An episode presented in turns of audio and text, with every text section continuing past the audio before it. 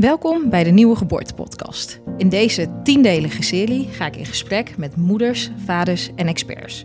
Zij nemen jou mee in hun ervaringen en delen hun expertise om jou te inspireren en te begeleiden naar een mooie geboorte. Vandaag is onze gast Gilles Stoop. Binnen zijn praktijk houdt hij zich bezig met fertiliteit voor vrouwen en mannen binnen de acupunctuur.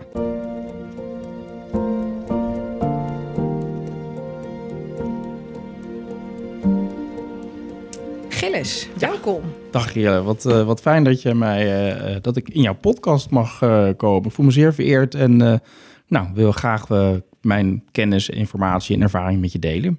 Hartstikke fijn, ik kijk er naar uit. Gilles, voor de luisteraars, zou jij je eens even voor kunnen stellen? Ik, ehm, ja, langer terug, ik wist eigenlijk op mijn zeventiende al een beetje wat ik wilde. Ik wilde iets in de zorg doen om mensen te helpen. Toen nog heel idealistisch. En ben op jonge leeftijd iemand tegengekomen die in de natuurgeneeskunde en acupunctuur uh, wat deed. En dat heeft mij eigenlijk toen aangegrepen. En op mijn 21ste, 22ste ben ik natuurgeneeskunde gaan studeren in Hilversum toen. En daar zat ook het onderdeel acupunctuur en Chinese geneeskunde in. En dat heeft me eigenlijk toen gegrepen en nooit meer losgelaten. En mijn grote droom was een uh, praktijk beginnen en uh, nou ja, mensen kunnen behandelen eigenlijk met diverse klachten. Ik had er nog geen specialisatie in mijn gedachten. Ik was 6 of 27 toen ik klaar was met die opleiding hm. en was voor mezelf erg jong en onervaren. En wilde meer ja, ervaring opdoen. En ben toen in mijn eentje naar China gegaan uh, met de trein en heb daar een half jaar stage gelopen in een ziekenhuis. Ja. En uh, zag daar nou ja, wel honderden patiënten behandeld en uh, geprikt met hele diverse uiteenlopende klachten. En dat ging natuurlijk ook onder nou, toen nog redelijk erbarmelijke omstandigheden. En uh, met vertalingen en met handen gebaren, zeg maar. Ja. Maar dat was dus naast eigenlijk een, ja, veel van met acupunctuur geleerd. Veel leren prikken, veel naden leren zetten. Maar ook veel zieke mensen gezien. En daardoor eigenlijk ook wel echt ervaring opgedaan. Ja. En ook levenservaring uh, opgedaan. Zeker. Ik heb daar ook mijn vrouw ontmoet. Al is dat vier jaar later pas wat uh, geworden. Zij is ook acupuncturist. En we, doen samen Yushin Chung. Wij hebben samen runnen we deze praktijk. Zij woont nu 20 jaar in Nederland. Dus die reis heeft mij veel uh, opgeleverd. Ja. En toen ik terugkwam, um, ja, wilde ik graag lid worden van de Nederlandse Vereniging voor Acupunctuur. Maar daarvoor moest ik nog een vervolgopleiding uh, doen. Die heb ik toen gedaan. Dat was een driejarige opleiding. Alleen door mijn vooropleidingen kon ik in het tweede jaar eind instromen. En hoefde ik eigenlijk nog maar anderhalf jaar uh, te doen. En dat is nu Uiteindelijk ben ik volgens mij, dat is dit jaar 25 jaar acupuncturist. Ja, een hele tijd. dat, uh, ja, is, ja, ik schrik er zelf van inderdaad. Het is een beetje confronterend om te zien hoe lang je al bezig bent, dus hoe oud je bent. Maar dat uh, ja, ja. hoort erbij. Hey, en kun jij nog terug naar dat moment dat je dacht, dit grijpt me zo aan aan acupunctuur? Ja, wat mij uh, vind, het blijft altijd een interessante vraag vinden. Mm -hmm. Want het, wat ik interessant vind is natuurlijk het um, belangrijkste is het werken met mensen eigenlijk daar ligt toch wel mijn grootste uh, hart en passie om uh, ja, energie in beweging te zetten eigenlijk. En met behulp van de naalden kan je die energie en met gesprekken kan je dat natuurlijk ook in beweging zetten. En uiteindelijk hopelijk natuurlijk het lichaam in balans te krijgen en het, dat het zelf zeg maar de klachten kan verminderen. Maar in de acupunctuur, daar kan het, dat kan ik ook met een andere therapie. Maar de acupunctuur op zich is, vind ik, ja, de hele theorie achter de Chinese geneeskunde extreem interessant. En het puzzelen ook met een diagnose en dan zien dat het werkt eigenlijk. Ja. En in mijn reis in China ja, ben ik zo van dat land uh, gaan houden. Eigenlijk van alles. Ja, misschien niet uh, politiek als je snapt wat ik bedoel. maar voor de rest, uh, ja, wij zijn ook met het gezin ook regelmatig teruggegaan. En ben voor meerdere studies daar gegaan. Het, is, het blijft mij boeien nu. En ja. nu je wat langer bezig bent, um, is het ook vooral eigenlijk dat ik zie wat het doet. Ja. nog dagelijks, uh, ja, weet je wel, zie ik in de praktijk wat het in beweging kan zetten, wat het voor, tot rust kan geven aan mensen. En natuurlijk ook de klachten die kunnen verminderen. Maar ook het vooral het, is het voor mij ook een middel, een methode om uh, contact te maken met mensen. Ja. En eigenlijk ze kunnen te behandelen. Dus het is natuurlijk ook dat ik, ja, weet je, je hebt ook veel gesprekken tijdens de behandeling. En door de enorme ervaring, bergervaring die ik heb, ik durf nooit van mezelf te zeggen of ik goed ben, maar ik durf wel te zeggen mezelf, ik heb echt extreem veel ervaring. Ik denk dat ik, uh, nee, mijn 25 jaar en uh, ja, we hebben toch al best een volle praktijk, dat je daardoor ook enorme ja, kennis en ervaring en intuïtie opbouwt. Dat je soms eigenlijk al van bijvoorbeeld in de wachtkamer eigenlijk al ziet wat, het, uh, wat de diagnose is. En dat wil je dan uiteraard natuurlijk checken Ja. en uitsluiten of dat klopt. En dat, ja, daar geniet ik nog steeds van, inderdaad. ja, wat een mooie drijfveer om zo op deze manier mensen te helpen. Ja, ja. Ja. En, nog En- steed. Dat is natuurlijk mooi, want ja, ik, doe, ik heb ook andere hobby's en passies eh, Ja. overigens. Gelukkig. dat, eh, en thuis Ja. hebben we het niet de hele dag eh, eh, hierover. Ja. Maar het is wel iets wat, eh, ja, waar ik nog steeds dagelijks gelukkig van Ja. word. Hoe mooi. En je zegt het heel mooi. Je zegt het energie in beweging brengen. Ja, Ehm, nou ja, we zitten hier natuurlijk ook met jou om tafel, omdat je ook Ja. die, echt die expertise hebt binnen die fertiliteit van nou ja, zowel vrouw als man. Ehm, nou ja, voor mij was het zelf een hele openbaring dat acupunctuur ook binnen de zwangerschap heel veel kon doen. ja. Ehm, hey, je hoort zelf, ben ik er helaas pas eigenlijk net weer iets te laat achter gekomen. Mhm. Eh, ook na de zwangerschap bijvoorbeeld heel veel eh, kunt, op kunt inzetten. Ehm, nou, voordat we eigenlijk de diepte straks ingaan, eh, zou ik toch... Je hebt het al even kort uitgelegd hoor, dat die energie in beweging brengen. Maar als jij gewoon voor het kort voor de luisteraars eens kan vertellen... wat doet acupunctuur nou precies? Ja. Om dat toch even mee te starten voordat we de diepte ingaan. Zeker. Op, eh, Ik zal het natuurlijk kort doen en daardoor een beetje een basis uitleg. Maar Ja. het is in principe het herstellen eh, van de balans in het lichaam. En je moet het zo voorstellen, de, door het lichaam stromen energiebanen, dat zijn meridianen. En daarvoor, er kan zeg maar een tekort zijn in de meridianen en daaraan gekoppelde organen. En er kan ook een teveel zijn in een orgaan of meridiaan. En er kan een ophoping zijn. En door met de fijne dunne naaldjes te plaatsen op de juiste plek, maak je contact met de meridiaan en met de orgaan. En dan kan je bijvoorbeeld eh, energie in beweging zetten. Want eh, dat is belangrijk als er bijvoorbeeld pijn is, premenstruatie, klachten, pijn bijvoorbeeld, hoofdpijn. Is er een ophoping, een stagnatie van energie en die probeer je te bewegen. En het kan ook zijn dat er bijvoorbeeld, nou we kennen allemaal yin en yang natuurlijk, maar toch weet niet iedereen wat het eh, betekent. Yin staat bijvoorbeeld voor koelte, voor rust en yang staat voor beweging en voor warmte. En het kan er bijvoorbeeld zijn dat het yin en yang, nou, laten we even vooropstellen, dat is bij niemand in balans. Hè, maar het gaat het ook om als je klachten hebt, dan ga je de diagnose toepassen. Kan het zijn dat je bijvoorbeeld he- hele onrustige en warmtetekens toont eigenlijk. Dan zou je kunnen denken dat is een teveel aan yang. Maar dan kan het ook zijn dat een tekort aan yin is. En dat wil je dan voeden en die yang eigenlijk kalmeren. En eh, op die manier kijken wij dus ook naar het systeem. En dat is natuurlijk even in een, in een notendop, want het gaat natuurlijk veel dieper en, eh, en breder. Want, en daar hebben we allerlei diagnose, diagnostische methodieken voor, die we daarin gebruiken. En uiteindelijk eh, stel je dan een diagnose en een behandelplan op om te kijken wat je voor die persoon kan betekenen. Ja, heel fijn. En ik krijg zelf best wel, ehm, nou ja, ook wel eh, vaak de vraag: goh, eh, doet het geen pijn? Heeft het nou echt voordelen? Het is niet wetenschappelijk bewezen. Ehm, kun jij daar iets meer over? Ja, hoor, zeker. Laten we beginnen met de eerste, eerste vraag. Doet het Ja. geen pijn? Nou, het, ik denk dat het eh, bij sommige mensen, die voelen inderdaad bijna niks. En het zijn hele, ja, extreem dunne, fijne naaldjes. En eh ze gaan heel ondiep in. En het kan soms zijn dat je een klein prikje ervaart. Maar als het in normale gevallen trekt dat ook weg. Het kan dat als iemand bij mij ligt, vanochtend lag er nog iemand van, nou, ik voel dat plekje, of het voelt een beetje, is een beetje gevoelig. En dan zeg ik na 10, 20 seconden voel je het nog steeds. Ja, nog steeds. Nou, dan zet ik hem wat losser en dan trekt het weg. Nou, dan is het eh, weggetrokken. En meestal als die naalden er eenmaal in zitten, dan voel je het niet meer. En dan kunnen mensen ja, 20, tussen de 20 en de 30 minuten heerlijk ontspannen eh, liggen. Dus het, het doet een piepklein beetje. Kan het gevoelig zijn? Pijn is het verkeerde woord, maar nauwelijks eigenlijk. En eh, de volgende vraag eh, over wetenschappelijk bewijs vroeg je. Nou, het is het lastige natuurlijk van acupunctuur. is, Er zijn wel degelijk wetenschappelijke onderzoeken gedaan. Alleen die zijn vaak empirisch, dus dat is practice-based. Dus je hebt duizend vrouwen met of duizend vrouwen zonder acupunctuur. En gaat die controlegroep vergelijken. En daar komt acupunctuur wel positief uit. Maar als je echt een dubbelblind onderzoek wil doen, dat houdt dus in dat ik als behandelaar niet weet welke punten ik prik en of ik prik. En de patiënt weet niet of hij geprikt wordt. En snap je, en dat is eigenlijk niet te doen met acupunctuur. Dus dan ga je eigenlijk proberen het in een systeem te zetten om te bewijzen dat het werkt, maar dat systeem dat functioneert niet. Dat, ja, dat, dat, dan loop je eigenlijk de hele, dat holistische beeld ook wat je bij acupunctuur gebruikt. Hè, dat je naar de hele persoon kijkt, de hele mens en niet bij een, uh, een klacht een standaard behandeling geeft, bijvoorbeeld. Dus dat blijft natuurlijk lastig en ingewikkeld. En voor mij persoonlijk vind ik wetenschappelijk onderzoek interessant, maar eigenlijk ook niet belangrijk voor wat ik in de praktijk doe en zie. Nee.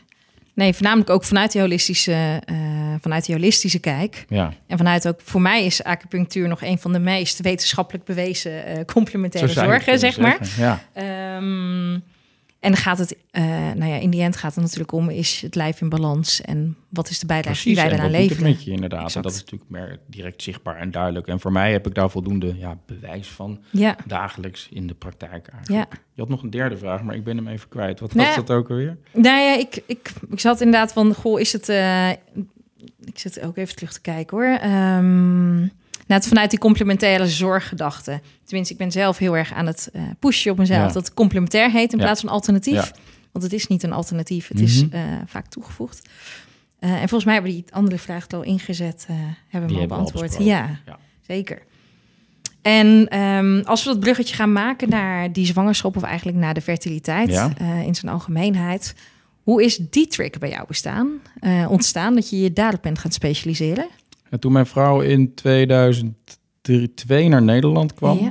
en uh, had zij een jaar lang stage gelopen in een ziekenhuis in uh, Chengdu... Mhm. waar we elkaar ontmoet hebben ook. En uh, zij is eigenlijk begonnen met die vruchtbaarheid. Ja. En, en vervolgens in de loop der jaren, en zeker zo'n 2003, 2004, ben ik, heeft zij mij aangestoken eigenlijk. Zijn we samen opleidingen gaan doen, cursussen gaan volgen. En je begint altijd met één of twee patiënten... En we hadden toen als een van de eerste een website. En we hebben natuurlijk wat op de website geschreven, wat onderzoeken uh, gepubliceerd. En, de, en vervolgens zijn er toch ja, best wel wat patiënten gekomen. Eigenlijk op die manier kom je als een soort sneeuwbal, kom ja. je er steeds dieper in. En dat heeft mij ook nooit losgelaten. Ik blijf het boeiend vinden. Mm -hmm. Ik heb wat andere klachten die ik in het verleden heb behandeld, eigenlijk uh, gezijdelings uh, ja, verloren. Ik zei net al eventjes tegen Ja. jou, stoppen met roken bijvoorbeeld. Ja. Dat doe ik niet meer. Dus dat... En er zijn bepaalde klachten waar je een affiniteit mee hebt. En het is niet alleen maar het biologische systeem hè, van de vruchtbaarheid, de hele gynaecologie en daar de Chinese geneeskunde achter, maar Ja. ook de, de diepgang die eigenlijk de klacht en de vraag met zich meebrengt, de wens met zich meebrengt, die ik Ja. extreem boeiend vind. En waar ik mensen ook graag in wil begeleiden. Dus eigenlijk ook een beetje het coaching eigenlijk. Hoe ga je om met, die, met de spanning die het met zich meebrengt? En dat zijn zulke diepe levensvragen dat dat eigenlijk, ja, dat is wat mij Ja. drijft. Ja. nog steeds. Ja, heel mooi.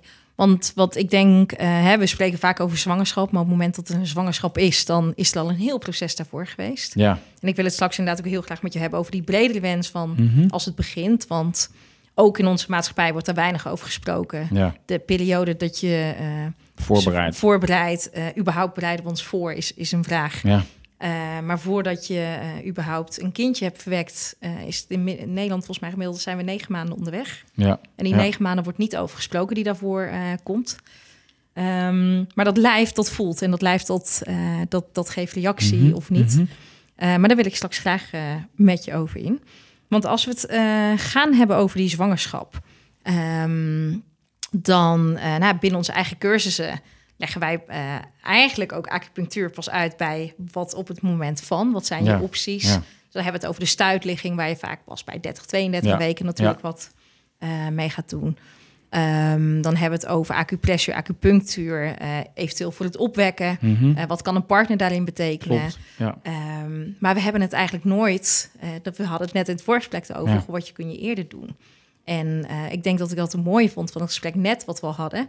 Is dat jij ook zei van goh, er zijn eigenlijk binnen die zwangerschap drie trimesters. En acupunctuur kan binnen die drie Trimesters, trimesters. ja. eh, kan het eigenlijk heel veel betekenen. Elke fase kan het wat Ja. betekenen, absoluut. Ja, en wat, eh, nou ja, die eerste fase, als we het hebben over het eerste trimester, staat natuurlijk enorm bekend om misselijkheid. Mhm. Maar Eh, ik wil nog even een ja. stapje terug, ja, als jij dat goed vindt. Zeker, Dan- zeker. Dan is het natuurlijk uit de voorbereiding, waar we natuurlijk even heel Ja, kort eh, over hadden. En ehm, nou, het is inderdaad zo dat ik in het algemeen, eh, zowel vrouwen als mannen, Ja, daar vrij weinig aan doen. En dat is natuurlijk ook, eh laatst was het in het nieuws ook, hè, bijvoorbeeld dat het toch wel aangeraden wordt om drie maanden van tevoren al met de pil te stoppen. Nou, dat adviseren wij al twintig jaar. ja, Dus dat is, en vervolgens is het natuurlijk extreem belangrijk, zowel voor de vrouw als voor de man, om eigenlijk drie maanden tevoren al gezonder te eten en te leven. ja, En dat hoeft niet extreem, dat zou natuurlijk wel fijn zijn, maar dat doet niet iedereen. Maar in elk geval alcohol, eh, roken, en et cetera, Ja. laten staan. En alcohol is daar toch ook wel een belangrijke in. En wij mannen eh, denken natuurlijk van, nou ja, weet je wel, dat is allemaal niet nodig. Het is, het is allemaal prima wat eruit komt, zullen we maar zeggen. Ja, En dus ook voor de man is dat eh, heel erg belangrijk. Maar goed, het blijft lastig om mensen daarin te motiveren. En bij mij komen ze natuurlijk pas als... Nou, ik, ik Ja. maak soms ook wel eens mee dat er vrouwen komen van... Nou, ik ga over een... ben net met de pil gestopt en we zijn nog niet aan het proberen. We gebruiken nog eh, condoom. En we willen eigenlijk eh, alvast ons gaan voorbereiden op Ah. de eh, bevruchting. Ja. Dat is natuurlijk eigenlijk het leukste ook. Want dan ga je natuurlijk helemaal je gezond voorbereiden. ja, Maar de meeste stellen bij mij komen eigenlijk als, eh, als het al een poosje niet lukt. ja, En eh, misschien als het een jaar niet lukt, of als ze al in het ziekenhuis komen. ja. En daar behandelen wij natuurlijk veel, eh, veel ja, Ja. vrouwen en mannen mee, inderdaad. Je kijkt natuurlijk of je de menstruatie kunt eh, reguleren. En eh, onder andere de leverenergie. Ik had Ja. het net kort even over de energie die moet stromen. Dat Ja. is de leverenergie, waardoor er geen spanningen opbouwen. En de nierenergie die eigenlijk heel erg belangrijk is voor het reguleren van de menstruatie en de ontwikkeling van de eicellen. En ook de ontwikkeling van de spermacellen. Die versterken. En eh, daarnaast natuurlijk ook voor veel mensen ja, spanning, stress verminderen. En zorgen voor meer rust eigenlijk. Plan. Hey, en als we teruggaan inderdaad vanuit die voorbereiding eh, en eigenlijk drie maanden voordien, eh wordt, nou ja, het wordt ook bijvoorbeeld geadviseerd om tijdig foliumzuur te slikken. Dus echt het stukje voorbereiding zit aan die nou, kant ook. eigenlijk in die moment zou je natuurlijk al überhaupt moeten beginnen Ja. met je gezonder te eten Ja. en te leven. Ja. Want het is ook zo, volgens mij als ik het goed heb, dat eh, sperma wordt elke drie maanden wordt dat, zit daar Ja, een vernieuwing in. Aanmaak duurt tussen de Ja, 70 en de exact. 90 dagen. Ja, en dat is ook hetgeen wat wij altijd vertellen tegen, eh, tegen die man. Ja, Ehm, dus dat betekent dat je eigenlijk voor drie maanden al moet beginnen. Ja. Want als het tegen de 90 dagen pas wat er wordt geproduceerd pas eruit komt... ja, Ja, dan moet je dus eigenlijk vier maanden van tevoren al beginnen met je gezonder voor te bereiden. ja, en de meesten beginnen pas in, op het moment dat ze weten dat ze zwanger zijn. Ja, Dan ben je toch al twee, drie weken onderweg. Ja. Ja, ik heb dat toen ook niet gedaan hoor. We hebben twee kinderen, mijn vrouw is twee keer zwanger geweest. Mijn vrouw is sowieso gezonder eh, dan ik, die dronk ook geen alcohol. Ik toen Ja. nog wel. Maar eh, ik zou dat nu denk ik inderdaad eh, anders doen. eh, ja. ja. beetje bij beetje leren we eh, toch weer. Ehm, Je vroeg inderdaad naar de eh, trimesters. ja, ja, ik zit even te kijken. Hebben we daarin inderdaad over de, de voorbereiding voldoende gezegd? Er valt natuurlijk heel veel te vertellen en heel Daar veel valt te heel informeren. veel over te vertellen, inderdaad. dus Ehm, het is, eh, als er echt problemen zijn, dus dat Ja. stellen niet zwanger kunnen worden. Ja. Ik denk dat we daar een volgende keer misschien nog een andere podcast aan eh, kunnen wijden. Wat natuurlijk extreem interessant is en boeiend is wat we daarmee kunnen. Ja, En meestal zie ik natuurlijk ehm, eigenlijk vrouwen die bij mij komen met problemen met de vruchtbaarheid. En Ja. ze raken zwanger. ja, En dan zie ik ze eigenlijk ook in die eerste wachtweken, die natuurlijk extreem spannend zijn. En dat ze toch altijd weer bang zijn dat het misgaat natuurlijk. Ja. Of ze hebben een miskraam verleden helaas. En Ja. dat is natuurlijk ook waar we veel mee doen eigenlijk. Dus om te Ja. kijken of we dat kunnen voorkomen. Die basisenergie versterken. Door bloeding verbeteren, de bloed voeden en uiteraard voor meer rust zorgen. En vervolgens komt het vaak voor dat wij vrouwen ook eh, behandelen in die eerste, laten we zeggen, tien weken, misschien wel tot en met twaalf Ja. weken van de zwangerschap. En, eh, of als er spanningen zijn. Maar het kan ook zijn dat er eh, bijvoorbeeld vrouwen zich gewoon bellen bij mij. Om, eh, noem maar wat, van de week belde een vrouw met zeven weken. En die was echt Mhm. behoorlijk misselijk. ja, Moest spugen inderdaad. En dan nog net niet dat ze opgenomen moet worden. En, Ja. dus daar doen we heel erg veel mee. En dus daar gaan we eigenlijk mee aan de slag. Er zijn bepaalde punten die de maagenergie versterken. Ja. En, eh, want ja, we noemen altijd in de Chinese geneeskunde de maagenergie, die moet normaal gesproken dalen. En in dit geval komt die omhoog, Mhm. omdat alle bloed eigenlijk naar de vrucht gaat. ja, Dus daar doen we heel erg veel mee. En het eerste trimester staat dan ook eigenlijk voor, eh, nou, ja, we weten natuurlijk allemaal dat alle bloed en alle energie, dat spreekt natuurlijk ook voor zich, die gaat naar de groei van die vrucht. Omdat Ja. die in de eerste drie maanden worden alle organen aangemaakt. En daardoor, ja, zijn de meeste vrouwen ook hartstikke moe. Dus daar willen we natuurlijk ook graag wat mee doen. ja, En eh, daarnaast kunnen er ook wel problemen met bijvoorbeeld eh, ja, klachten. Maar vooral vermoeidheid en misselijkheid zijn wel. En de misselijkheid zijn in het eerste trimester. En angst voor ja. miskraam misschien als ze in het verleden een, Ja. een verlies hebben gehad in die periode. Ja. En daar kunnen wij ook veel mee doen, ook met de rust. En ehm, ja, want de acupunctuur geeft ook echt veel meer rust in die Ja. hele fase. En die nierenergie versterken, die die vasthoudende werking eigenlijk bevordert. Ja, ja wat, ik er, wat ik er heel mooi aan vind is dat, ehm, dat eigenlijk eh, wordt er gewoon tegen een vrouw gezegd de klachten van het eerste trimester zijn inderdaad moeheid. Hè, want ja, eh, je, of je voelt het qua slaap niet. Je weet dat er had gewerkt wordt in je lijf. Dat, dat is gewoon een bekend Ja, gegeven. Absoluut. Er zit altijd inderdaad een spanning bij. En ja, misselijkheid, het hoort er gewoon bij. Ja, ja. Ehm, maar eigenlijk, eh, als ik jou ook hoor spreken, dan is het er misschien wel, maar valt er wel wat aan te doen. valt wat aan te doen. En dat is, eh nou, mijn, mijn vrouw bijvoorbeeld, ik weet ook nog heel goed toen zij van de eerste zwanger was. En ik had een heerlijk hotelletje geboekt met z'n tweeën. En we gingen lekker even met z'n tweeën weg. En nou, ik zat om eh, half acht eh, in mijn eentje op de hotelkamer voor de televisie. Ja, Want zij was natuurlijk hartstikke moe. ja, En uiteraard heb ik toen haar toen ook eh, behandeld. Maar wat het, wat het is, je krijgt altijd te horen, het hoort erbij. Ja. En, en vrouwen zeggen dan ook dat ja, het hoort er allemaal bij. En het, ik ben heel erg blij. Maar ja, ondertussen zie je ze echt hondsberoerd zijn. Ja. En, nou ja, ik weet niet of je het zelf hebt meegemaakt, maar eventjes een beetje misselijk zijn. En sommige mensen na een kater bijvoorbeeld de volgende Ja. dag. Ja, na één dag heb je het gehad. En dan, Ja. dan weet je ook dat het eindig is. Maar als iemand voor het gevoel nog maanden zich zo voelt, dan voel je Ja. je echt heel, heel, heel erg beroerd. En eh, het hoort erbij in de zin van het is normaal, klopt. Maar we kunnen toch kijken of we die klachten kunnen verminderen. En eh je krijgt het meestal niet helemaal weg, maar wel Nee. dat het tot een acceptabel niveau wordt gereduceerd. Of iemand hopelijk minder of helemaal niet meer hoeft over te geven. ja, En eh, ja, dat is waar we echt wel veel mee kunnen met de acupunctuur. En dan kan je toch net ervoor zorgen dat iemand zich eh, ja, wat relaxter en wat beter door de ja dat het zwangerschap ja, en komt. toch wat draagbaarder wordt. Want dat, Ja. ik denk dat dat het belangrijkste is. Ehm, in, in- inclusief ikzelf. Ik ben ook, eh, dan heb ik maar twaalf weken misselijkheid gehad. Dus bij die twaalf weken zag ik het verdwijnen. Nou, dat vind ik best lang hoor. maar dat, 12 dat is weken. lang. Zo. En dan ken ik mensen om me heen die echt tot 19 weken Echt, spugen. ja. En Ja. dan krijg je ook terug vanuit je huisarts dat het eigenlijk, of vanuit je verloskundige, dat het, dat het erbij hoort. Eh, en totdat jij niet even zo gezegd uitgemagerd Echt, eh, en niks meer niet meer kan Precies werken, kan houden. Ja, gaan ze pas eigenlijk acties ondernemen. ja, Dus dat is eigenlijk dan ook wel de oproep voor een ieder. God, er valt wat aan te doen. Er valt En, wat mee te ehm, doen. En dat is natuurlijk fijn dat mensen toch vaak de weg wel naar ons, eh, onze acupuncturisten weten te vinden. Ja, En dat we daar veel mee kunnen doen. Maar er zijn ook vrouwen waarschijnlijk die dat niet weten. Of stellen die dat niet weten. Of ja, iets anders proberen. En maar gewoon wachten tot het hopelijk overgaat en het minder want wordt. het is natuurlijk ook nooit zeker dat het met week 12 overgaat. Nee, je, weet het, nee. je weet het eigenlijk gewoon niet. Dus die 12 weken begrijp ik ook niet helemaal. Net als het woord ochtendmisselijkheid begrijp ik ook niet helemaal. Dat heb Nee. ik eigenlijk nog nooit gezien dat iemand alleen in de ochtend misselijk is. Maar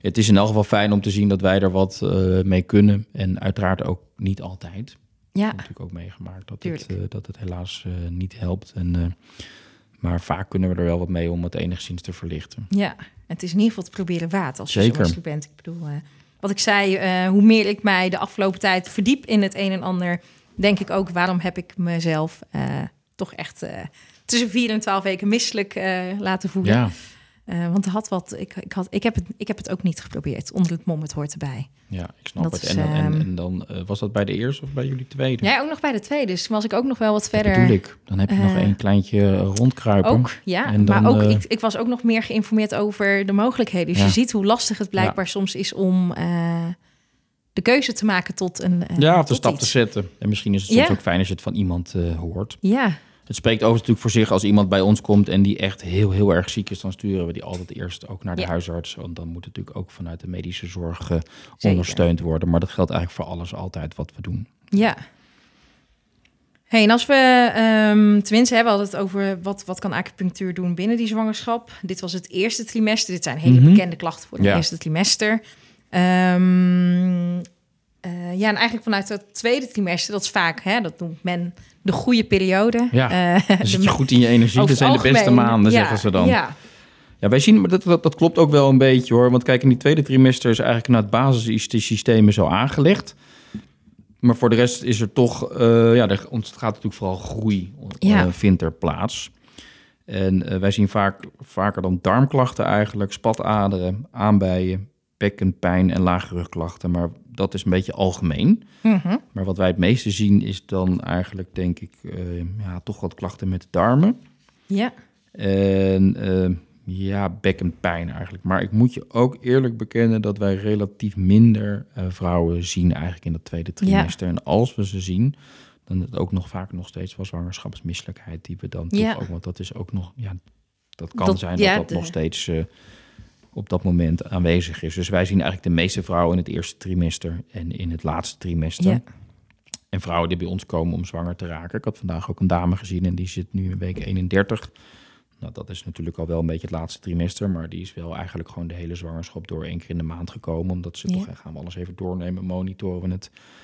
En ook omdat zij zich daar rustig bij voelt en vertrouwd bij voelt. Ja. Om het even ja, goed eh, door te nemen en, eh, ja, en die nierenergie nog te blijven versterken.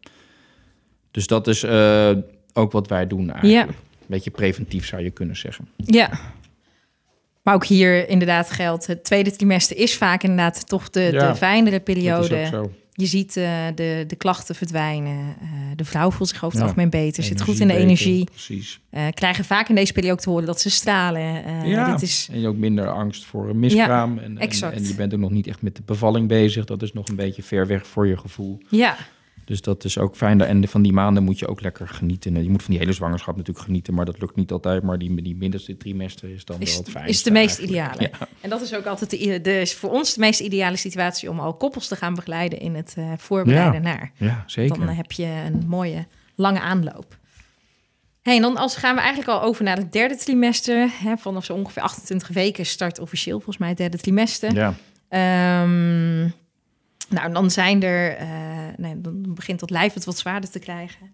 Het kindje groeit wat meer en dan Ja. komen ze eigenlijk, kunnen ze net zo goed weer bij jullie komen voor een aantal. eh, Ja, het is misschien wel interessant, omdat ik, ik zal eerst wat doornemen wat, Ja. wat er in het algemeen, in, de- in, zeg Ja, maar, in de graag. acupunctuurwereld eh, gezien wordt. Kijk, het is natuurlijk vanuit de zwaarte wordt voetbal en de extra meridianen, de ren en de daimai, ja, die worden uitgerekt. En vanaf daar eigenlijk, dus de, de maximale capaciteit van de baarmoeder wordt ook eigenlijk eh, veel van gevraagd. ja, Wat in het algemeen is zien is dat er bloedarmoede en eh nou, voor krampen, Mhm. spieren, kuiten.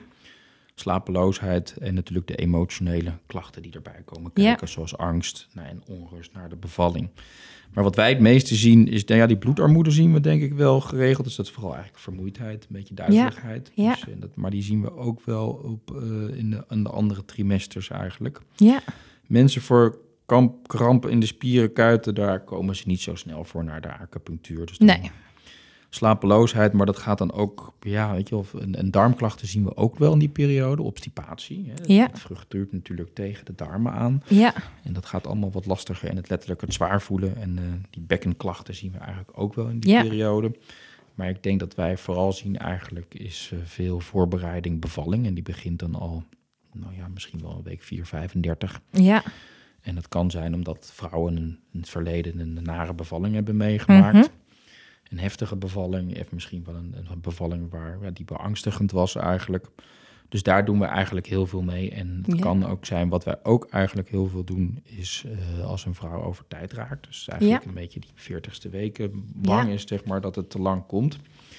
Dus of omdat in het, eh, bij de, dit de tweede zwangerschap is, dat bij de eerste zwangerschap eigenlijk het kindje met eh, ja, 40, 41 weken gebo- geboren is.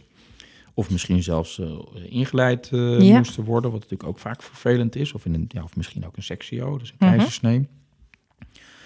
Proberen we eigenlijk ook eigenlijk alle punten die normaal Ja. gesproken verboden zijn in de zwangerschap. Die weten wij natuurlijk, dat zijn een aantal hele belangrijke punten die we normaal gesproken natuurlijk niet prikken. Die mag Ja. je vanaf week 5, 36, op 36 zeker langzaam wel weer gaan prikken. En die zijn ook eigenlijk wel belangrijk dat je die vanaf week 38 flink gaat stimuleren. Dat is niet Ja. altijd even prettig, maar dan wordt er wat in beweging gezet. En zo proberen we eigenlijk, eh, en daarnaast ga je natuurlijk ook kijken op punten die die emotionele kant eh, versterken, Ja, afhankelijk van hoe iemand zich eh, voelt. Hey, en als ik hem even mocht opsplitsen, je begon net ook over het stukje, ehm, eigenlijk de emotionele kant, waarin je ziet dat ook veel vrouwen hier in ieder geval de weg naartoe vinden. Mhm. Ehm, wat doen jullie daarbij? Is het voornamelijk het terugbrengen van de rust weer in, eh, ja, eigenlijk, eigenlijk binnen die zwangerschap? Dus echt Nou, er het, zijn meerdere. Je gaat uiteraard natuurlijk eerst een diagnose Ja. stellen en kijken wat er aan de hand is. En eh, waar het punt zit. Als iemand natuurlijk echt een, echt een extreem traumatische Ja. bevalling heeft gehad, dan begeleiden we natuurlijk ook om psychotherapie of eh, Ja. terug naar de huisarts en een psycholoog te raadplegen. ja, Of misschien EMDR, dat kan ook nodig zijn. Ja. Dat, ook- dat bijvoorbeeld dus als, als dat kindje is, snel weggehaald is bij een moeder. ja. En dat dat natuurlijk ook ja, traumatisch kan zijn. Mhm. En wat we veel zien is ja, misschien angst voor de bevalling, angst Ja. voor de pijn en eigenlijk en misschien ook wel ehm, bang of in elk geval niet willen dat het te lang blijft zitten, omdat het ook weer gevolgen met zich, hè, Ja. gevaren met zich mee zou kunnen, Ja. of risico's met zich mee zou kunnen nemen, maar vooral ook omdat de meeste vrouwen natuurlijk natuurlijk bevallen. En niet dat het ingeleid wordt of Ja. gehaald wordt of met behulp van Zeker. medicatie. En je wil natuurlijk eigenlijk ook dat het kindje zelf bepaalt wanneer het komt. Zeker. En dat is voor veel, uiteraard voor veel vrouwen en stellen in Nederland in elk geval. Dat schijnt in andere landen anders te zijn. Maar is dat natuurlijk een grote wens en eh, Ja. de pijn te verminderen. Ja. En, dus in, en het kan inderdaad ook zijn wat je zegt, slapeloosheid. Mhm. Het kan natuurlijk ook zijn omdat je natuurlijk, ja, uiteraard, je bent je fysieke ongemakken kan Ja. dat met zich meebrengen. En angsten en ehm, ja, spanning, ook spanning in Ja. je lijf. Echt letterlijk. En die spanning kan Die sp- natuurlijk in, je, in je buik gaan zitten, in je nek, schouders gaan zitten. En die kan voor krampen veroorzaken. Exact. En, eh, en dat is wel waar we inderdaad met de acupunctuur, eh, met het plaatsen van de, voor, de voorzichtige naaldjes op punten die die energie bewegen. Ja. En ook specifieke punten die daarvoor gelden eigenlijk. Ja, ja want die specifieke punten, ehm, ik ben daar inderdaad van op de hoogte dat die Ja. punten zijn waar je dan niet, eh, niet op mag drukken. Maar vanaf 36, 37 weken kan dit eh, ook een soort, of soort, kan het ook preventief Zeker. ingezet worden om die bevalling juist eh, een beetje te stimuleren. Nou, ja, een- voorbeeld te noemen, dat is een belangrijk pijnpunt. Dat ligt tussen je duim en je wijsvinger. Ja. Dikke darm 4, voor veel mensen een bekend punt. Omdat bijvoorbeeld voor hoofdpijn of voor eh, extreme PMS-klachten... als je Ja. dat punt eigenlijk juist flink gaan stimuleren. En dan, dat helpt, ja, dat is echt belangrijk voor hoofdpijn. Ja, Maar als iemand zwanger is, dan kan dat niet, mag dat niet. Nou, het is natuurlijk een beetje discutabel of je daar een eh, miskraam mee teweeg kan brengen. Ja. Dat, dat, dat, is, dat is discutabel. ja, Maar toch, hè, in de boeken staat dat we nemen geen enkel risico. ja, En willen we eigenlijk in de, in de periode dat het, dat het vruchtje natuurlijk zeker moet blijven zitten, willen we zo min mogelijk bewegen, niet te veel. ja. Wat misschien wel een beetje jammer is als een vrouw, ik noem maar wat, in week 10 komt met extreme hoofdpijn. Dan moeten we alternatieven gaan zoeken. Dat kunnen we Ja. ook. Dus ook vrouwen met hoofdpijn in de in migraineaanval tijdens de zwangerschap kunnen we ook behandelen. Maar die punten die je eigenlijk graag zou willen prikken, prik je dan Die niet. prik je niet, ja. En datzelfde geldt als een vrouw zwanger wil worden en eigenlijk ook heel erg PMS heeft. Ja, Dan wil je eigenlijk ook die punten graag prikken. Maar goed, dan kan het natuurlijk zijn dat het bevrucht is in die periode. Dus dan hou je daar toch altijd rekening Ja. mee dat je daar alternatieven voor gaat vinden die punten niet prikt. Maar van week 36 mag je zo langzaam wel Ja. weer gaan prikken. En zeker vanaf week 8, 39 mag je ze eigenlijk wel flink gaan stimuleren. Om ja, de boel in beweging eh, Ja. te krijgen. Eigenlijk juist wil je dan flink bewegen. Dat merk je ook. Ik had vandaag nog een, een dame hier in de praktijk. Die was 31 weken eh, zwanger. En Mhm. ik had eh, nou, niet die heftige bewegende punten geprikt. Maar wel andere punten die mild bewegen. ja, En zij zegt ook van ja, je voelt helemaal dat die, eh, Ja. dat erop reageert. En dat is leuk, want je merkt inderdaad, het doet dus wel wat met, die, met de vrucht, met het kindje. ja, Als je acupunctuur, zeker natuurlijk als het al 30 Ja. plus is en je voelt het echt helemaal goed bewegen. Ja. Dus je merkt dat het echt wel wat met het, met het kindje doet ook. Zeker, ik kan het compleet uit eigen ervaring. Ik heb dus eh, ten tijde van mijn zwangerschap acupunctuur gehad. Ja. Ook eigenlijk in de hele zwangerschap, niet voor mijn zwangerschap, voor meer voor eczeem. Eh, omdat ik daar mijn medicatie niet voor mocht gebruiken. En op het moment dat ik op de behandeltafel lag en eh, we begonnen, dan, nou ja, hè, de meeste zwangeren weten, als je ligt, gaat je kindje wel bewegen. Ja, Mijne ging echt los. Dat Ja? alle kanten op. oké, eh, mooi. dat was prachtig om te zien. Dat vond Ja. ook heel Ja. erg leuk. Je ziet het Eh, ook aan de buitenkant inderdaad. Ja, je, je- en vooral als je wat verder bent in de zwangerschap, zie je dat natuurlijk. Dat is heel bijzonder om te ervaren. Die, eh, Ja, Die en het is er overigens zo, dat is nog interessant om te vertellen, ook als vrouw in die, in, in- verder in de zwangerschap. Normaal Ja. laat ik mensen altijd op hun rug liggen. ja, klein beetje plat, zeg maar. Maar naarmate de vrouwen verder in de zwangerschap liggen, uiteraard gaan ze wat meer rechterop. En dan krijg je een knierolletje dat het bekken in een comfortabele positie ligt. En anders ligt het niet, eh, niet lekker. Dus maar om nog even terug te komen, Ja. inderdaad. En uiteindelijk eh, is het zo echt in die weken. Ik heb ook wel veel regelmatig dat de vrouwen naar ons bellen in, eh, of de man belt en de vrouwen bellen die, of de partner, die eh, in week 40 bijvoorbeeld. ja, ja, of, of in week 41 zelfs. Dus Ja. in de 40ste week bellen omdat ze ja, eigenlijk, de uitge over de uitgerekende datum Ja. zijn. En worden regelmatig doorgestuurd van een verloskundige praktijk hier Ja. uit de stad. En daar eh, maak ik altijd meteen plek voor in de praktijk. ja, Omdat fantastisch. het is, of ik werk wat langer door, want dan willen we zo snel mogelijk flink gaan bewegen. En Ja. het is één keer heeft gebeurd en ik weet nooit zeker of dat door de acupunctuur komt natuurlijk. Maar die lag op mijn behandeltafel en de vliezen braken op dat moment. Ja. En die zijn gelijk met de auto naar het ziekenhuis eh, gegaan. Oh. Dus dat was mooi. Ja. Ja. ja, want dat is een van de... ehm, nou ja, hetgeen wanneer wij ook aangeven... joh, een acupuncturist kan heel helpbaar zijn... is vanaf dit moment Eh, we werken in Nederland nou eenmaal met overtijd vanaf 40 weken. Ja. Uh, binnen, en eigenlijk bij ons binnen nieuwe geboorte uh, spreken we niet over overtijd. Overtijd Mhm. is pas bij 42 weken. Ja. Want de draagtijd ligt nou eenmaal tussen de 37 en 42 weken. Dat en voor iedereen is dat anders. ja.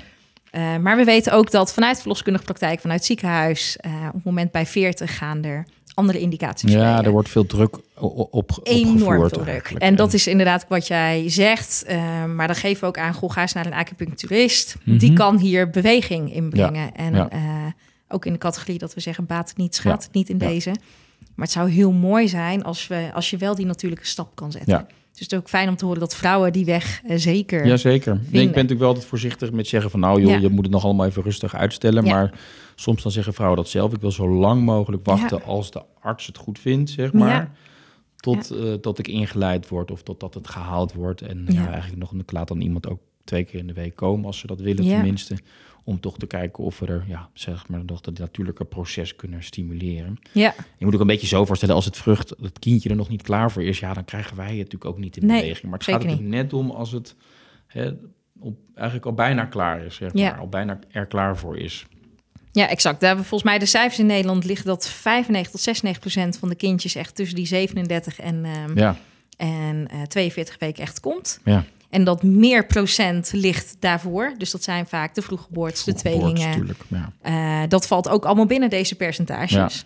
Eh, dus er is maar een heel klein percentage dat het kindje daadwerkelijk langer dan 42 Ja. weken eh, blijft zitten. Of het wordt inderdaad gehaald met ingeleid.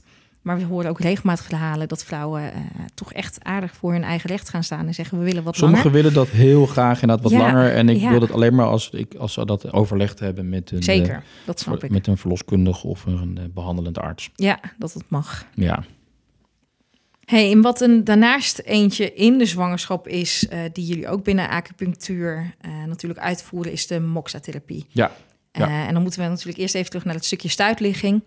Ehm, want de meeste hè, van onze luisteraars die weten, op een gegeven moment krijg jij een, ehm, een, eh, een liggingsecho. De liggingsecho is altijd rond de 34, 35 weken. Mhm. Maar daarvoor voelt jouw verloskundige hoe ligt je kindje. Er wordt al vrij snel het woord stuit meegegeven. ja. En stuit is voor een ieder een soort van alarmbel. Alarmbel, want dit want gaat dan heb je eh misschien een sectio moet je ondergaan. Of, seksje eh, over, het wordt pijnlijker of er gaat heel Mhm. veel, eh, heel veel gaat er gebeuren.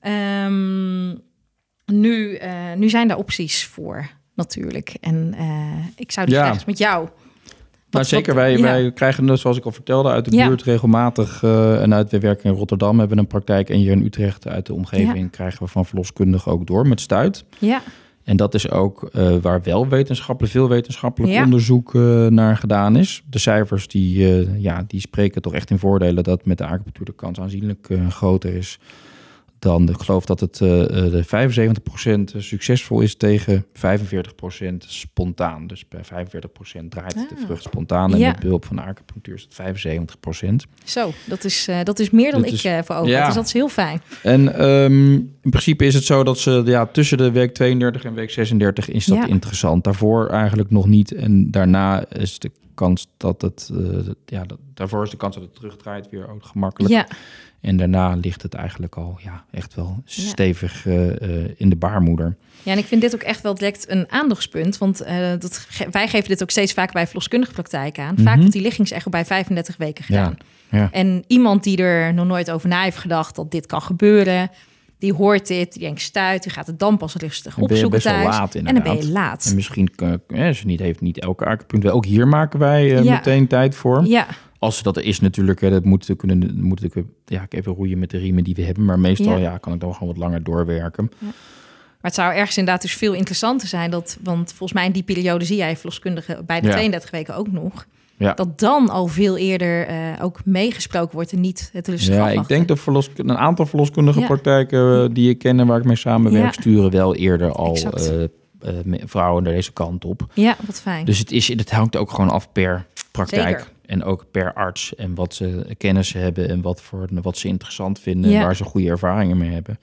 Maar in principe is het zo, wij behandelen, eh, de standaard is eigenlijk, en dat is een beetje wereldwijd bekend, is een soort Ja. moxa-therapie. Dat is een soort moxa-stick en dat is gemaakt van eh, bijvoet. Ja, En dat is gedroogd en eh, geperst. En dat hou je bij de buitenkant van de kleine teen, ongeveer een centimeter ervan af.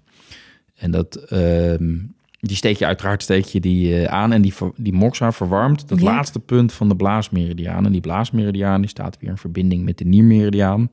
En die dringt diep door in het bekken eigenlijk. En Mhm. doordat je het verwarmt, krijg je een bewegende energie in die niermeridiaan.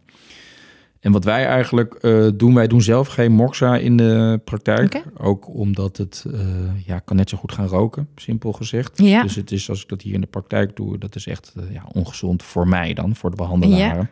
Voor de patiënt natuurlijk ook, maar als hij er maar heel eventjes, als je er dagelijks aan zit, is dat natuurlijk wat anders. Mhm. Dus wat wij doen, wij behandelen vrouwen met acupunctuur. Dus we gaan Ja. natuurlijk ook een hele diagnose doen, wat er nog meer van problemen zijn. En eh, nou, alles lopen we door waar we het net een beetje over hadden. Dus we geven iemand een volwaardige acupunctuurbehandeling. En die punten van die blaas 67, Ja. die prikken wij ook aan. Ja. En vervolgens eh, laat ik ze zien, als de partner meekomt, een man of een vrouw ook, kan natuurlijk ook, die ehm, laten we zien eigenlijk wat die moet. Nou, meestal komen die overigens niet mee. Dus dat is natuurlijk dat. dus dan ehm, zijn er ook heel veel YouTube-filmpjes die ik eh, doorstuur. Ah, dus ik ja. geef ze wel zo'n Moxa-stick mee, die krijgen Ja. ze van mij mee. Ja. En dan kunnen ze het zelf eh, doen. En bijvoorbeeld elke avond voor het slapen zorg dat je in zo'n comfortabele positie ligt. Als ik vrouwen ook hier op de behandeltafel laat liggen. Beetje eh, gebogen, het bekken in een ontspannen houding, benen een beetje uit elkaar comfortabel, dat er veel ruimte in je buik ontstaat. En dan een kwartiertje voor het slapen gaan en dan beide kanten eventjes aanstippen. Tot, niet aanstippen, maar centimeter ervan af totdat het te warm is. En eh, er zijn er prachtige YouTube-filmpjes van. Dus Ja, ik hoef, ja. een collega van mij die, eh, die verkoopt ook dvd's met Moxa en Nieuwegein. Dus er zijn heel veel methoden voor om te doen. Maar ik denk dat het het beste is wel naar een, colle- naar een collega, een acupuncturist te gaan. Ja. Die hier ook ervaring mee heeft. En vaak laat ik ze dan nog wel één of twee keer, als ze dat willen, tenminste behoefte aan hebben, terugkomen. Het kan Ja. natuurlijk zijn dat ze me bellen. Dus als gebeld, ja, de vol- en meestal draait een vruchtje draait s'nachts. Dus als Ja. ze slapen eigenlijk en dat de volgende dag, of ze merken het zelf, dat kan. Ja. Dat het anders is, anders ligt. Ja. Dat, ja, je voelt dan niet, die- niet die billen uitsteken of zo, of juist wel. Dus het je hoofdje zit natuurlijk in het bekken Ja. dan. Um, of bij de volgende keer bij de eh, verloskundige komen ze erachter. Ja. Dus dat is wat wij eh, eigenlijk wel veel, ja, toch wel regelmatig zien. En die mensen zien we, eh sommigen komen nog wat langer ook om ter voorbereiding van ja, de bevalling. En ja, helaas uiteraard is het natuurlijk ook vaak dat het gewoon niet Ja. werkt. Dus dat het toch, eh, dat, het, dat bij die 25% van het onderzoek valt, dat het niet in beweging komt. Ja. Ja, en daar zou deels natuurlijk ook mee van doen hebben. Er moet ruimte zijn voor het kindje om überhaupt nog te draaien. Zeker, Dat, eh, ja. dat wordt eigenlijk door je verloskundige al wel Ja, uitgesloten. en soms ligt het gewoon lekker. Ja, dat weten we ja, ook niet. Dus ik zeg altijd, we hebben gewoon eigenwijze kindjes die denken dat ze het op een andere zeker. manier eh, eh, beter eh, nou ja, op de wereld kunnen komen. Dat is ook de realiteit. Wat we verder ook veel doen eigenlijk, dat is misschien wel interessant als de partner nog meekomt, Ja. de man of een vrouw. Dan Ja. kunnen wij ze eigenlijk voorbereiden, hen helpen eh, hun vrouw voor te bereiden op de bevalling. Ja, En dat met acupressuur, waar je het net eventjes over had, er zijn bepaalde Ja. punten die de pijn verminderen. Nou, toen mijn vrouw ging bevallen, had ik natuurlijk naalden bij me, dus dat was makkelijk. Maar dat hebben de meeste mensen niet, dus dat moet je niet doen. Dus er zijn er bepaalde plekken die je kan eh, masseren en echt wel flink, flink. Bijvoorbeeld dat punt wat ik vertelde voor die hoofdpijn, hè, wat Ja. bij je duim-wijsvingers, dat is daar een belangrijk punt voor. En dat, eh, ja, dus daar kunnen de partners ook nog wat actief betekenen. Bijvoorbeeld tijdens een, ja, een heftige wee om die punten te masseren. ja.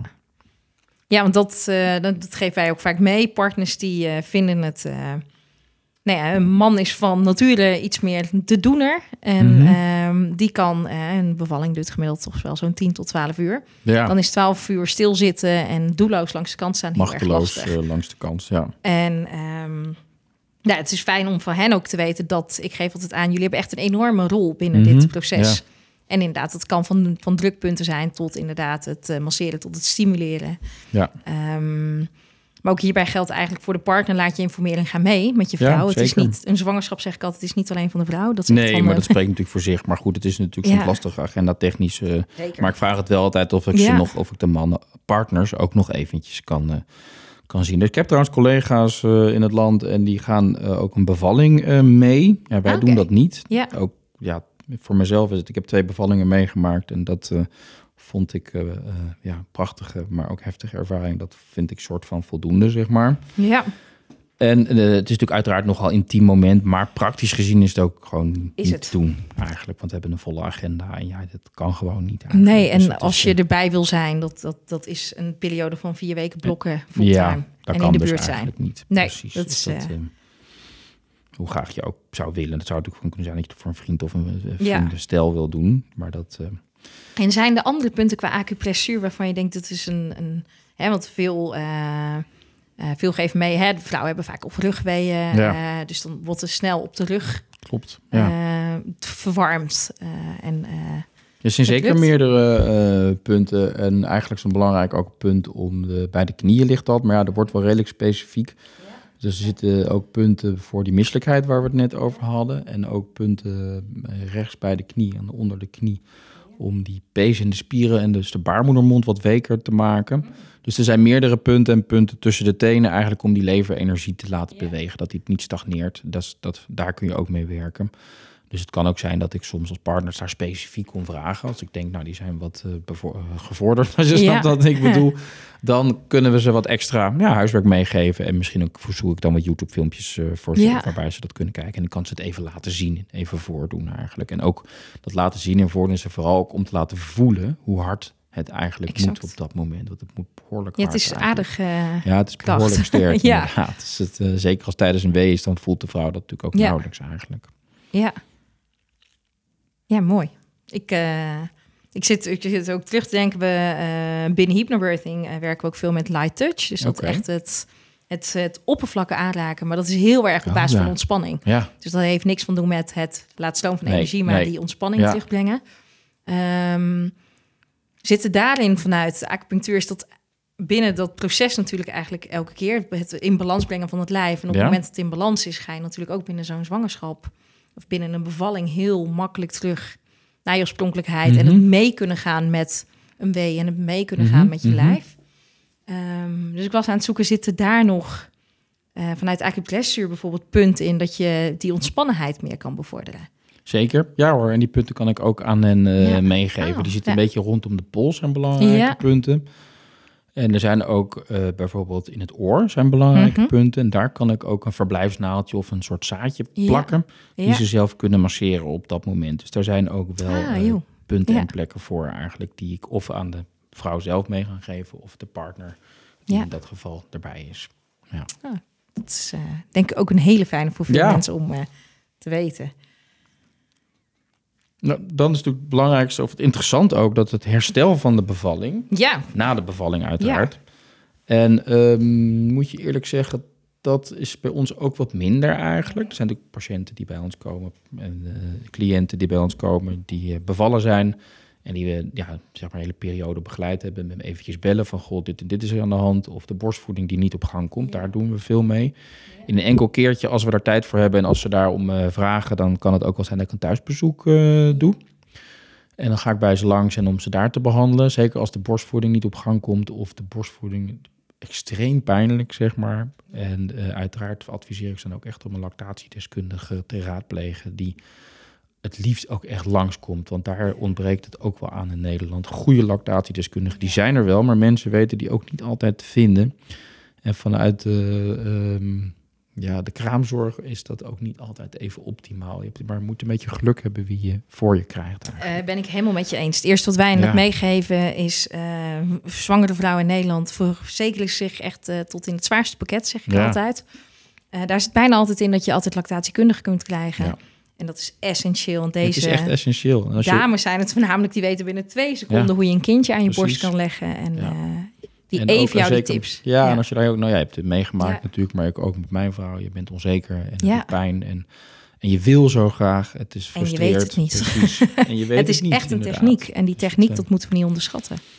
Nee, dus dat is er waar we veel Ja. eh, mee doen. En dan kunnen er ook met behulp van acupunctuur zijn er ook punten. Ja. Niet in de borsten overigens, maar wel bij de knieën zitten belangrijke punten in de nek-schoudergebied, maar ook onder de borst als het Ja. echt, echt, echt heel erg pijnlijk is. Mhm. En ehm, nou, wat we natuurlijk ook wel veel zien is bloedarmoede. Als eh, vrouwen te veel bloed hebben verloren eigenlijk tijdens de eh, bevalling, om dat weer op te bouwen. Dat, doen we, dat kan ook alleen met kruiden, dat we kruiden voor ze bestellen. Uiteraard houden we dan wel rekening mee met de borstvoeding, dus die ook voor, de, voor, het, eh, voor het kindje kunnen. En check je dat goed af, hoe het, eh, hoe het kindje daarop reageert. En probeer dan ook die kruiden te geven direct na de borstvoeding. Dus dat Ja. het eigenlijk dus dat het wat Zit verder er. uit elkaar wat tijd Ja. tussen zit. Ehm, wat wij eh, ook wel regelmatig zien is vrouwen met ja, mentale problemen in die periode Ja. na de bevalling. Dus. De, ja, de postnatale depressie. Dus dat is wel wat we regelmatig zien en waar acupunctuur ook wat in kan betekenen. En dat is natuurlijk ook lastig, want de vrouwen om te komen in die periode, omdat ze natuurlijk, ja, weet je, moeten ze natuurlijk ook het kindje even loslaten. Maar vaak als dat een heftige situatie is, dan zijn er al vaak eh, ja, opa's en oma's die eh, inspringen en die eh, voor het babytje kunnen zorgen om de moeder even wat ruimte te geven, dat ze ja, aan zichzelf kan werken. Daar hebben we, eh, ja, kan de acupunctuur ook wel veel en uiteraard in combinatie met eh, psycho, psycholoog. ja, Ja. Heen en op hormoonbasis, want je hebt natuurlijk hè, het hele zwangerschap negen maanden op echt en negen maanden daarna het onzwangere Ja. om en nabij, zeg ik Ja. altijd. Ik ben iemand die minimaal tot eh, ver over een jaar onzwangert ongeveer. Ja, Ehm, hormoonbasis, doen jullie daar ook dingen mee om het terug in balans te brengen? nou, hormoon natuurlijk zelf niet, maar Nee. wel eh, uiteraard weer het reguleren Ja. van de menstruatie en eventueel ja, Hè, Het is natuurlijk ook comfortabel voor de vrouw dat haar menstruatie weer functioneert. En Ja. dat je lijf weer normaal functioneert en eh, je goed in je energie zit. En ook die regelmaat weer terug is in die menstruatie. En vaak misschien ook omdat ze weer, ja, weer zwanger willen raken en eh, daarop voor willen bereiden. Klopt. ja. Ja, dat, eh, maar dat gaat dan heel erg vanuit mijn eigen, eh, natuurlijk, eh, waar ik dat op kan bevestigen. Ja. Dat, dat die hormonen, dat mijn lijf nog zo uit balans voelde. Ja, Ook nog na een jaar nadien. Dat je denkt op een gegeven moment, absoluut. joh, dit, er, zit zo, er zit nog zoveel disbalans. En je, je weet waar het vandaan Ja. komt en je weet hoe het werkt. En dat kan natuurlijk ook na een miskraam zijn. Ja. Dus dat als je natuurlijk een miskraam hebt gehad, een, een kleine of een zwaardere, of, een, hè, of hoe ver die of hoe kort die ook is, dan kan dat ook je hele menstruatie in de war brengen. En daar doen we eigenlijk ook wel heel veel mee. Dus ook een mi- mini-bevalling eigenlijk. Ja. ja, want dat is misschien een heel mooi bruggetje om dat laatste stukje wat ik zeg, wat niet zo mooi is, wat iets minder eh, prettig Mhm. is, maar wat heel veel gebeurt, miskramen. En volgens mij belandt één op de vier zwangerschappen in eerste instantie in de eerste week Ja. in een miskraam. Ja. Eh, en wat ik heel vaak hoor om me heen, is dat vrouwen, de, vooral als het een eh, miskraam is bij drie, vier weken, dan heb je het ook niet altijd door. Maar zo snel mogelijk weer doorgaan. Ja. Zo, zo snel mogelijk weer, oké, dan proberen we het de volgende keer Ja. weer. En eh, nou ja, dat is natuurlijk niet, of ik zeg niet het beste voor het lijf, maar dat lijf heeft ook iets op te ruimen. Ja, nou, Wat- wij veel in de praktijk eh, zien, en dat is natuurlijk een, een, een verdrietige eigenlijk behandeling, maar ja, wel belangrijk, is dat we ook proberen te helpen om die, als die vrucht er niet uitkomt. En je wil natuurlijk niet meteen een curettage hebben, dat wil je liever eigenlijk helemaal niet. En ook niet meteen de opwek, opwekkingsmedicijnen. En je wil dat het lichaam het zelf opruimt. En ook dat natuurlijk in overleg met, eh, met de behandelend arts. En eigenlijk al die punten die verboden zijn normaal gesproken in een zwangerschap... mag je dan flink gaan eh, prikken. En uiteraard ook het emotionele herstel. En als de vrucht eruit is, of als iemand die al verloren is... en komt dan bij je, ga je natuurlijk opbouwen. En inderdaad weer eigenlijk die menstruatie proberen te herstellen. Bloedopbouw, die nierenergie weer versterken emotioneel natuurlijk verwerken. En ja, ik standaard gezien zou ik daar toch echt wel drie maanden voor uittrekken. En dat is lastig. Dat is een lastige boodschap die niet altijd te verkopen is aan eh, vrouwen. Omdat je hele lichaam schreeuwt natuurlijk om zo snel mogelijk zwanger te raken. Die dwang en die drang die je voelt en die, dat oergevoel. Om daar toch nog misschien niet meteen aan toe te geven. En toch nog even ja, voorboedsmiddel te gebruiken om het even te voorkomen. En dat, eh, daar luistert uiteraard niet iedereen naar. Stel dat iemand dan toch meteen zwanger raakt, wat het uiteraard natuurlijk kan, dan, eh, dan willen we ook iemand graag helpen om eh, dat, eh, dat op dat moment, zeg maar, dan gaan we rustig door met die opbouw. Ook al is iemand zwanger, maar nog steeds met het bloedopbouw, nog steeds met die nierenergie te versterken. Want we willen natuurlijk dat de volgende zwangerschap en dat iemand die zo goed mogelijk ingaat. Ja. Ja, ik merk heel erg om me heen dat het een... hè, we, had- we hadden het al kort eens een keer over die taboes. Eh, het is eh, een miskraam wordt vaak niet verteld. Een miskraam wordt vaak heel klein gehouden. Ja, Veel mensen om, eh, om, ja, om je heen weten het vaak. mensen vragen van ja, hoeveel weken was het? En dan, Ja. oh, Oh, ja. ja nou, dat is natuurlijk extreem pijnlijk. Ja, ja. Dus dat, ja. Dat, dat, dat mag gewoon niet meer gebeuren. Nee, nou ja, Maar ja, het, dat, Ja, maar dat, dat lijf heeft gewoon nog wat op te lossen. En dat, Dat- lijf heeft ook ja, opnieuw voor te bereiden. herstellen, zowel mentaal als fysiek, om weer voor te bereiden op een volgende bevalling. Of in ieder geval om die menstruatie weer op, ja, fatsoenlijk op gang te krijgen. Dat die met enige, met de regelmaat en zoals het was. Volgens mij hebben we alles een beetje besproken. Ja, wat ik, we- eh, ik zit net te denken. We zijn het kijken. cirkeltje een beetje rond ehm, met... eh, ehm, ja, met, met acupunctuur, de Ja. opties en de hoeveelheid. Ik probeer het net in mijn hoofd een beetje op te sommen. Ja. Er zijn eigenlijk binnen al die facetten van die zwangerschap... of er naartoe werken en eigenlijk liever juist er naartoe werken. Ja. Eh, steeds vaker eh, denk ik terug. En ik vind het heel mooi. Binnen onze hypnobirthing cursus die ik geef... laat ik een video zien van Mhm. eh, een Afrikaanse stam. En ik heb nu niet helemaal meer helder welke het is. En die zegt, maar jullie westelingen... jullie beginnen een zwangerschap op het moment dat je zwanger raakt. Ja. En wij beginnen eerst met het opruimen van je eigen privéproblemen... zowel voor jou als van je partner. Ja. Dan ga je het gesprek aan met elkaar of je deze wens hebt. Dan ga je kijken of je samen nog problemen dient op te lossen. En dan ga je pas klaarmaken voor die zwangerschap. ja, dat klinkt natuurlijk heel mooi. Maar ja, als je dat gaat doen, dan, eh, dan sterven, sterven we uit met z'n allen, denk ik. Ja, precies. Ja, dat, dat is de andere kant. Maar het besef dat wij eigenlijk ook denken dat we inderdaad zelf kunnen bepalen... ik stop met anticonceptie. Ja. Dat is toch nog wel heel vaak in ons land het geval. Ik stop met anticonceptie en Meteen. dan hoef ik pas na te denken over Ja. wat er gebeurt. Ja. Eh, blijkt hieruit maar weer dat dat lijf eigenlijk veel of veel complexer... Het is heel complex. Ja, kijk, aan de ene kant vind ik dat heel belangrijk dat mensen zich goed voorbereiden. Ja. Aan de andere kant denk ik, ach, als je er na naïef instapt, ook heerlijk, weet je wel. Dus hoe fijn is dat als je met de, met de pil stopt en je bent zo Ja. zwanger. En ja, dat is het mooiste eigenlijk. Ja, dat, dat scheelt een hele hoop Ja, stress. Precies, eh, dus dat gun ik iedereen. maar ja, Zeker. zo. Ehm, heb jij nog een, een, een laatste iets waarvan je denkt... dit moet ik toch echt meegeven? Nee, ik heb echt alles besproken. Niet dat me nu te binnen schiet. Nee, Ja. ik vind het een, een heel leuk eh, eh, gesprek. En ik vind het een prachtig onderwerp waar ik nog eh, veel jaren in hoop mag, mag werken. En vrouwen in mag begeleiden. En ook de partners uiteraard. Dus dat, Ja. ik vind het heel leuk dat je mij benaderd hebt eh, hiervoor. Dank je wel. Ja, dankjewel. Dankjewel voor je expertise, voor het delen. En ja, ik hoop dat veel vrouwen de weg weten te vinden... ook naar de acupunctuur eh ten Ja. tijde van die zwangerschap. Dankjewel. Dank je.